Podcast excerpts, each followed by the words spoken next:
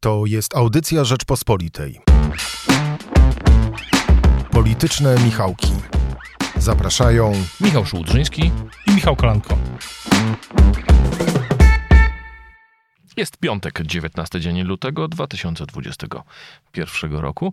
E, witają Państwa Michał Szułdrzyński. Michał Kolanko, dzień dobry. Jak co tydzień podsumowujemy dla Państwa wydarzenia mijającego tygodnia. I tak jak obiecaliśmy pod koniec ostatniego podcastu, gdy mówiliśmy, że wtedy rozmawialiśmy o partii rządzącej i o koalicji rządzącej. Dziś z kolei skupimy się na prawicy, nie, na opozycji. E, Tak właśnie robimy. E, Zaczynamy od opozycji, a to dlatego, że we czwartek Platforma Obywatelska ogłosiła swój e, pakt praw kobiet, pakiet e, praw kobiet, którego najważniejszą częścią jest pomysł legalizacji aborcji w sytuacji trudnej sytuacji życiowej kobiety do 12 tygodnia ciąży. Michale? I właśnie e, mam takie wrażenie, po pierwsze, pierwsza moja obserwacja jest taka, że bezpośredni efekt wewnętrzny, jeśli jest, wewnętrzny w sensie frakcji w platformie, to on jest odłożony w czasie, za tydzień lub dwa może się pojawić, bo poza kilkoma wypowiedziami posłów e, z tego konserwatywnego skrzydła, no nic się nie wydarzyło, tak? Nikt nie przyszedł spektakularnie, nie odszedł z klubu, z partii. E, To jest też ten proces, który, ta reakcja, to będzie też proces nie tylko w klubie, ale i wśród y, samorządowców y, czy szeregowych działaczy Platformy w terenie. E, Jeśli chodzi o samorządowców, prezydentów y, największych miast, y, to pewnie tutaj większej y, reakcji negatywnej nie będzie. Prezydent Trzaskowski najlepszym przykładem y, polityka, który wydaje mi się, że parł do tego przyjęcia tego rozwiązania i bardzo je chwalił później. No ale w terenie im dalej od Warszawy, im bliżej Końskich, e, tym te reakcje mogą być bardziej mieszane, chociaż e, warto zauważyć, że, że Polska, co pokazały protesty i czarnego, i czarny protest, przede wszystkim ten protest e, z 20 po 22 października się mocno też tam zmienia i pewnie Platforma też się tam zmienia. Natomiast no, to jest moja pierwsza obserwacja, że spektakularnej reakcji, wyjścia jakiejś grupy, grupki nie było. E, czy zauważyłeś pewną taką nieśmiałość, z którą Platforma to ogłosiła? Dlatego, że mm, ja obserwowałem konferencję prasową mm, Borysa Budki i zespołu kobiet z Platformy Obywatelskiej. E, Dopiero dziennikarze dopytali, jesteście za legalizacją aborcji do 12 tygodnia w czasie, w sytuacji e, trudnej życiowej kobiety? Dop- Dopiero wtedy padło tak, bo to zostało tak zakręcone i zawoalowane, zupełnie jakby się Platforma trochę mm, z jednej strony chciała to powiedzieć, ale z drugiej strony się tego bała. Nie miałeś takiego wrażenia? Miałem wrażenie przede wszystkim silnego pozycjonowania. Wiem, że to jest słowo, które, um, które bywa kontrowersyjne samo w sobie, pozycjonowanie, ale chodzi o to, że po prostu. Nasz podcast służy właśnie e, odgadywaniu polityki, więc tutaj e, jest doskonałe miejsce na słowo po- pozycjonowanie. Powiem, powiem tak, zdradzając trochę kulisy, że jest, jest to jedno z słów, których ja w swoich tekstach e, nie powinienem używać, bo go nadużywałem i jest kilka takich innych słów, ale to Państwa już e, mm, e, Państwu zostawiam od Przyznaję, jako mm, szef Michała, przyznam, że zrobiłem Michałowi indeks słów zakazanych, ale to nasza redakcyjna tajemnica. Platforma się bardzo próbowała mocno wczoraj pozycjonować, że dalej jest partią centrum i dalej ma skrzydła. Ta koncepcja skrzydeł to jest oczywiście koncepcja Donalda Tuska, koncepcja, koncepcja szerokiego centrum w sumie zresztą też, Em, ale no, nie ma wątpliwości, że, że już powrotu do tej platformy sprzed tej deklaracji czwartkowej nie ma, natomiast cały czas było właśnie pozycjonowanie między lewicą, e, między skrajnościami, radykalizmami, lewicą a prawicą. No i Platforma jeszcze zrobiła jedną rzecz. Znalazła wypowiedź Szymona Hołowni z 2013 roku, e, który, który popierał, e, popiera mm, zakaz aborcji e, z tak zwanej e, przesłanki eugenicznej, jak on to sam nazywa.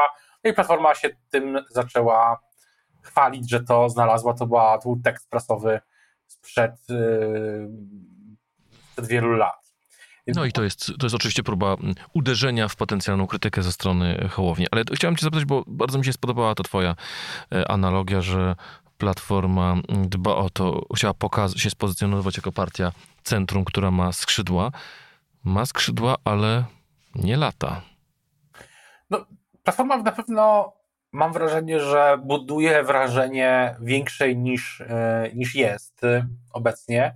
Jak niektóre, znaczy większej, znaczy może i jest dużą partią, ale na pewno silniejszej niż jest. Jak niektóre, czy tam owady, czy, czy zwierzęta, już nie pamiętam, które też stosują taki kamuflaż i, i, i ich, ich, ich przeciwnicy tam, e, konkurenci widzą, że one są większe niż są naprawdę, a to jest tylko kamuflaż. I troszeczkę mam takie właśnie wrażenie, że, że Platforma też tym koalicją 276 no, buduje taką e, przekonanie, że dalej jest tą dominującą siłą, totalnie dominującą, a tymczasem na przykład w wywiadzie dla Rzeczpospolitej pytałem Włodzimierza Czastego, lidera lewicy SLD, o tym, o tą największą partię na opozycji, no to on mówi, że no czasami Platforma, czasami Hołownia, zależy od sondażu.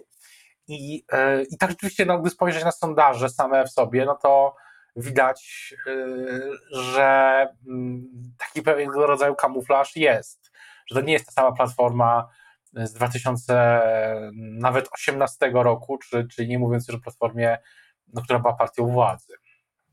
E, no więc właśnie, chciałem jeszcze zapytać Cię o samą tą sprawę mm, e, aborcji. Ja postawiłem e, w komentarzu w Rzeczpospolitej tezę, że Platforma po prostu zrobiła krok w lewo.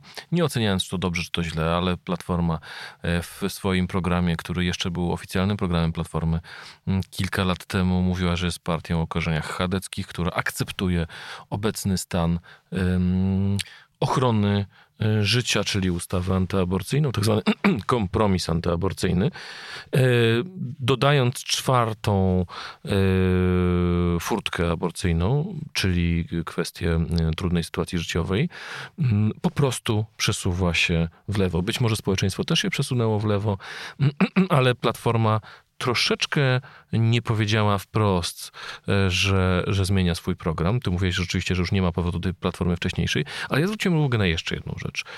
Osobami, które wyraziły największą satysfakcję z decyzji Platformy, byli posłowie, a szczególnie posłanki lewicy. Mm, troszeczkę e, złośliwości się przy tym e, pojawiło, ale widać było jednoznaczną satysfakcję. To platformie pomoże, czy zaszkodzi? Nie wiem, natomiast y, wiem, że też satysfakcja, myślę, jest na Nowogrodzkiej, bo w wywiadzie sprzed kilku miesięcy z prezesem Kaczyńskim, e, prezes Kaczyński mówi właśnie, że mm, Platforma chce zdominować lewicę. I tam jest taka sugestia, że mm, w ten sposób otwiera się centrum, że PiS ponownie się określi jako centrum. Na pewno z, z, z, takich moich wstępnych rozmów wynika, że, że w PiSie no, z bardzo dużym zaciekawieniem i właśnie zacieraniem rąk niejako ten ruch został przy, przyjęty. Już tam były deklaracje, że, że słowa oczywiście spin, że teraz główną ideologiem Platformy jest pani Marta Lempart. I tak, tak to było widoczne szczególnie w prawicowych mediach wczoraj. To jeszcze na pewno wielokrotnie usłyszymy. Czy to będzie, czy to jest dobre przekonanie? Moim zdaniem e, nie, nie, nie, jestem, nie jestem tego pewny. Uważam, że e, Platforma zrobiła jedną dobrą rzecz, że określiła się. E, określiła się i myślę, że wyborcy Platformy docenią to, a jeśli uznajemy, że podstawowym kłopotem teraz Platformy jest to, że jest odejście, demobilizacja jej własnych wyborców, no to ten ruch może ją w tym korowym elektoracie utrzymać, i z tego punktu widzenia mm, to stanowisko Platformy jest na pewno bardziej dookreślone też niż stanowisko PSL-u czy Szymona Hołowni, którzy raczej mówią po prostu o referendum, mm, a PSL mówi wprost o przywróceniu mm, tak zwanego kompromisu aborcyjnego. Ale jest jeszcze jedna rzecz, y, już ostatnia, że y, ta sprawa jest oczywiście, jest i będzie wykorzystywana wewnętrznie przez wewnętrzną opozycję, której nie zależy na prawach kobiet czy na jakimkolwiek innym temacie, bo ta wewnętrzna pozycja jest trochę, jakby to ładnie ująć, bezideowa, tylko zależy jej na tym, żeby władze Platformy się zmieniły na poprzednie, mm, tak mówiąc to oględnie, i żeby Borys Budka i Rafał Trzaskowski już nie byli mm, liderami Platformy, a Borys Budka na pewno już nie był e, przewodniczący. Ale rozmawiałem wczoraj z y, dwoma politykami, mm, dwoma parlamentarzystami Platformy, kojarzonymi z y, konserwatywnym skrzydłem i oni mówią coś zupełnie przeciwnego. Mówią, nie musieliśmy się określać. Nie musieliśmy się określać, ponieważ w sprawie aborcji, mimo tych protestów, Polacy są wciąż bardzo podzieleni. A jeżeli chcemy, to jest ich argumentacja, jeżeli chcemy zawalczyć o jakiś nowy elektorat, podejmując tą decyzję, przekreśliliśmy ten elektorat umiarkowany w centrum, który ma umiarkowanie konserwatywne e, poglądy, ponieważ kompromis aborcyjny cieszył się jednak akceptacją bardzo dużej części e, Polaków. I mogliśmy zwrócić się do tych ludzi, którzy kiedyś głosowali na PiS, ale teraz są tą partią zawiedzeni, a w ten sposób odcięliśmy sobie od tę, tę, tę możliwość. Jakby, jakbyś odpowiedział na taką argumentację? No, powiedziałbym tak, że Platforma, moim zdaniem, przepływy z PiSu do Platformy są raczej wykluczone. To nie Platforma jest partią przelotową, jak to się mówi. To taką partią mógł być, czy czasami kiedyś był, e, przypomniał mi o tym niedawno profesor Flis PSL e, w 2007 roku, a później, jak to zwraca uwagę z, drugiej strony strateg Tomasz Karoń niedawno w wywiadach i, i tekstach swoich, że partią, czy takim polem przelotowym w 2015 roku był był Paweł Kukiz i jego formacja, która już teraz jest na zupełnym aucie. No i teraz być może takim polem przelotowym jest. E, Lewica mówiła wręcz o, nie, o, nie o polu przelotowym, tylko o, e, o przepieraniu głosów. Jest oczywiście Szymon, Szymon Hołownia. Ja nie sądzę, żeby, żeby był jaka, jakaś, jakiś potencjał, żeby zawiedzeni pisem głosowali na platformę. Musieliby no, przyznać po prostu, no, to, to jest moim zdaniem mało prawdopodobne. E, moim zdaniem, e, jeśli Platformie wszystko zależy od tego, czy Platformie się uda rzeczywiście opowiedzieć to, że oni są dalej partią centrum, bo jeśli oni, e, też właśnie Tomasz Karoń czasami powtarza, często powtarza, że centrum się wyznacza. I jeśli Platformie uda się wyznaczyć centrum jako to, co ona uważa centrum, no to będzie jej sukces. Wtedy ta argumentacja, o której mówisz, nie będzie działała. Ale jeśli nie, no to wtedy może rzeczywiście być E, być e, problem, ale zwróćmy uwagę, że lewica atakuje platformę ze swoich pozycji i wspomniany wcześniej Czarzasty, Włodzimierz Czarzasty e, niespecjalnie się przejmował tym, że, że platforma zmienia swoje stanowisko. No, bo oczywiście jest pytanie o wiarygodność platformy, bo lewica zawsze w takich sytuacjach powtarza. No, dzisiaj mówicie o konieczności obrony E, osób LGBT, ale gdy rządziliście przez 8 lat, nic dla nich nie zrobiliście. E, tak samo może powiedzieć dzisiaj, no przez 8 lat e, nic nie zmieniliście w sprawie przepisów aborcyjnych, a myśmy tutaj cały czas głośno mówili, że trzeba przepisy zmienić. Mm, ale jeszcze mamy tą układankę, która się kilka razy pojawi, czyli tą postać, która się w układance kilka razy pojawiła, czyli Szymon Hołownia. Czy dla niego decyzja Platformy, to dookreślenia się Platformy, które mówisz, jest y, dobrym ruchem ze strony partii rządzącej, y, partii opozycyjnej, to dla niego to dobra wiadomość, zła wiadomość, on na tym zyska czy straci? No trudno powiedzieć. To myślę, że cały czas jest aktualne to, o czym mówiłem wcześniej, że też zależy wiele od, tym, od tego, czy Platforma odniesie sukces taki, to jest kolejne słowo, którego e, nie powinienem nadużywać, ale ponieważ jesteśmy w podcaście, to mogę, narracyjny. E, czy, czy uda się przekonać co do swojego centrum. I myślę, że im bardziej lewica będzie atakować platformę, im bardziej PiS będzie atakować platformę z różnych pozycji, no to też oczywiście y, Szymon Hołownia będzie to, będzie to robił, no to tym bardziej być może platformie będzie, e, będzie łatwiej. Ale ja mam wrażenie, że, e, że to jest potrzebne platformie z innego powodu, żeby wewnętrznie Borys Budka i Rafał Trzaskowski pokazali, że są e, innymi politykami niż Grzegorz Schetyna i też Donald Tusk którzy, Donald Tusk pewnie by w takiej sytuacji, jaka jest, jaką jest, e, jaka była, jest Platforma, pewnie by stworzył dwa zespoły równorzędne i powiedział, że tu jest jeden zespół i jest drugi zespół i one pracują nad e, różnymi rozwiązaniami, a i, i tyle. Tak chyba było w przypadku in vitro, ile się nie mylę. A więc e, no, a Borys Budka, no... Był też zespół, w którym była szefową Małgorzata Kidawa-Błońska, a w drugim był Jarosław Gowin, dziś wicepremier e, w rządzie Zjednoczonej Prawicy. No płynnie. I tak, także wszystko jeszcze, no karty, karty są rozłożone. Zobaczymy jak... Yy, przepraszam, że tak to mówię w tym kontekście, to, to nie jest Ale no, zobaczymy, jak, jak dalej przez te najbliższe 30 miesięcy, bo tyle pewnie do wyborów jest, e, będzie mm, opozycja te sprawy rozgrywać. No ale właśnie to, czy będą wybory za 30 miesięcy, czy za 3 miesiące, no bo za 3 miesiące to nie, ale za 30 miesięcy to jest przede wszystkim w rękach moim zdaniem teraz Jarosława Gowina. Właśnie, w ten sposób płynnie, jak już zauważyłeś, przechodzimy do tematu opozycji.